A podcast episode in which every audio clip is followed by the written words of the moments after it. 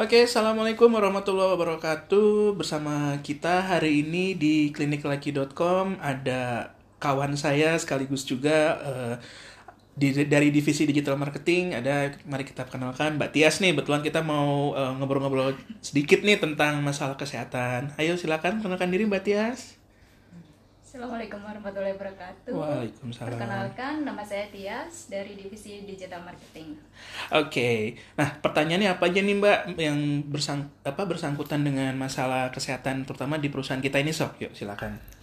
Uh, pertanyaan pertama ya Pak ya, sebenarnya untuk para pria seberapa penting sih ereksi pagi itu?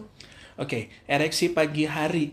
Nah sebenarnya sih memang tidak terlalu mewakilkan ya kalau kita berbicara ereksi di pagi hari. Mungkin kalau dalam bahasa Inggrisnya kita kenal juga sebagai morning wood gitu. Jadi uh, terjadi ereksi di pagi hari. Jadi malah uh, kalau setiap pria sih yang normal dan sehat itu akan mengalami ereksi di pagi hari. Jadi uh, si Mr. P-nya itu bangun dulu sebelum orangnya bangun gitu. Itu kita kenal juga sebagai morning wood.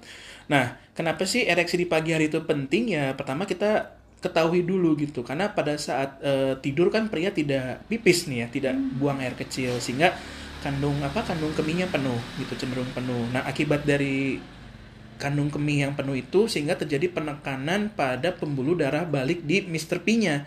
Nah, akibatnya si darah terjebak di Mr. P sehingga sebelum dia pipis biasanya dia akan ereksi dulu di pagi hari sebelum dia bangun. Nah, teman kalau dia sudah pipis dia akan langsung mulai lemes lagi si Mr. P-nya. Begitu hmm. ceritanya, Mbak. Nah, dari sini juga kita bisa memberikan uh, indikasi bahwa sebenarnya ya Mr. P-nya dalam kondisi sehat gitu. Nah, salah satu yang mungkin yang menjadi indikator di klinik laki Indonesia itu kalau memang Mr. P sehat ya jelas pembuluh darahnya harus sehat, tidak terjadi sum sumbatan di situ. Nah, kalau memang terjadi sumbatan ya jelas ya ereksi pasti akan terjadi gitu. Nah, namun sebenarnya indikator pastinya kalau memang dia itu uh, memiliki Mr. P yang sehat ya struktur pembuluh selain harus bagus ya dia juga biasanya yang paling kita menjadikan indikator dia sehat biasanya itu ereksi pada malam hari terutama hmm. pada saat rapid eye movement. Tahu nggak Mbak rapid eye movement itu apa? Uh, biasanya terjadi kalau uh, seorang pria sedang tidur uh, dan terjadi gerakan pada matanya. Oke, okay, baik. Nah, rapid eye movement atau mungkin kalau di bahasa Indonesia kan di bahasa Indonesia kan itu adalah gerakan mata yang cepat gitu. Mungkin kalau misalnya punya dedek bayi di rumah gitu, kalau saya kita lihat lagi dalam kondisi tidur terlentang, kok tiba-tiba kok di balik kelopak matanya kok si matanya kayak bergerak. Nah, itu kita kenal juga sebagai fase rapid eye, rapid eye movement. Itu biasanya di situ tuh uh, fase di mana terjadi uh, tidur yang sangat lelap sekali. Nah, sebenarnya yang menjadi patokan sehat atau tidaknya Mr. P itu ya pada saat rapid eye movement itu terjadi ereksi. Nah, makanya mungkin kalau yang punya sudah nikah gitunya uh, seorang wanita ya pasti akan merasakan ini suaminya ereksi tidak gitu pada saat itu di malam hari itu akan lebih akurat lagi gitu. Baik. Ada pertanyaan selanjutnya, Mbak Tias?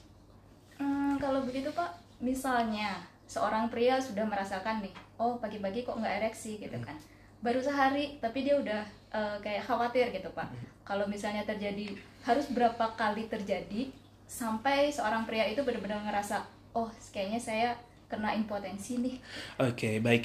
Nah, sebenarnya sih saya, seperti saya sebutkan di awal gitu. Sebenarnya ereksi pagi hari itu sebenarnya bukan indikator yang pasti gitu untuk menentukan apakah dia sudah mengalami impotensi atau tidak. Namun lebih tepatnya ya terja uh, pada saat dia tidur di malam hari, tepatnya pada saat dia mengalami rapid eye movement gitu. Jadi itu akan lebih akurat lagi. Nah, sebenarnya normalnya ya seorang pria itu kalau mungkin dia tidurnya terlelap banget dalam satu malam itu dia bisa mengalami 5 sampai 6 kali ereksi di malam hari gitu.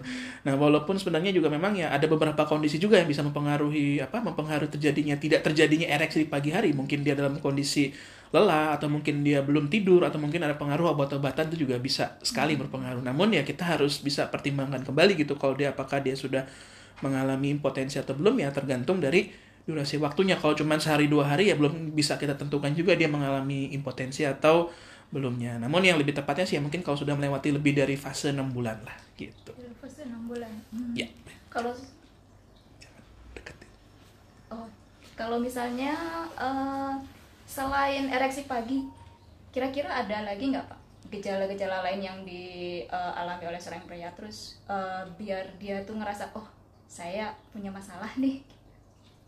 Oke, okay, nah biasanya sih kita uh, di kedokteran itu bisa kita punya indikator nih. Eh, Sebenarnya memang ada pertanyaan sih ya, pertanyaan khusus. Nah, makanya sebenarnya kalau memang eh, apa bapak-bapak di sini yang cenderung curiga apakah saya sudah mengalami impotensi atau tidak sebaiknya sih memang langsung diperiksakan ke dokter gitu karena memang ya di dokter sih kita tidak tidak hanya sekedar kita periksa badan aja tapi juga kita ada beberapa pertanyaan atau memang yang kalau lebih dikenalnya dalam bahasa kedokteran itu ya anamnesis gitu makanya makanya eh, saya pribadi gitu kalau ada pasien datang ke saya ya saya akan berikan pertanyaan yang untuk mengukur kadar kualitas dari ereksinya itu sendiri karena sebenarnya pada intinya itu pertanyaan ini yang yang bisa menentukan apakah dia sudah mengalami masalah impotensi entah derajatnya ringan, sedang atau berat di situ sih. Sebenarnya memang ya sebaiknya sih ya kalau memang e, curiga atau mungkin ketakutan berlebihan ya sebaiknya jangan jangan cari informasi sendiri. Sebaiknya memang ya datang langsung ke dokter terutama ya kalau memang saat ini kita sudah banyak nih dokter yang praktek di klinik laki jadi ya sebaiknya memang ya kalau memang bapak-bapak mengalami masalah yang mencurigakan karena impotensi sebaiknya ya langsung dok datang ke dokter gitu. Jadi langsung tanya ke dokter aja gitu ya Pak ya? Iya, Nggak boleh betul. eh, diagnosa sendiri ya Pak ya? Betul, karena mungkin ya di dokter ya mungkin selain lebih tahu ya, eh, karena kan ya kami pun juga kan belajarnya bertahun-tahun gitu, nggak nggak sekedar cuman apa eh, belajar satu atau dua minggu, bahkan kami tahunan gitu untuk mempelajari struktur Mr. P aja saya mungkin belajar lebih ya tahunan lah gitu selama di kedokteran, bahkan selama saya menjalani profesi dokter muda pun juga saya mempelajari hal tersebut. Hmm, baik, gitu.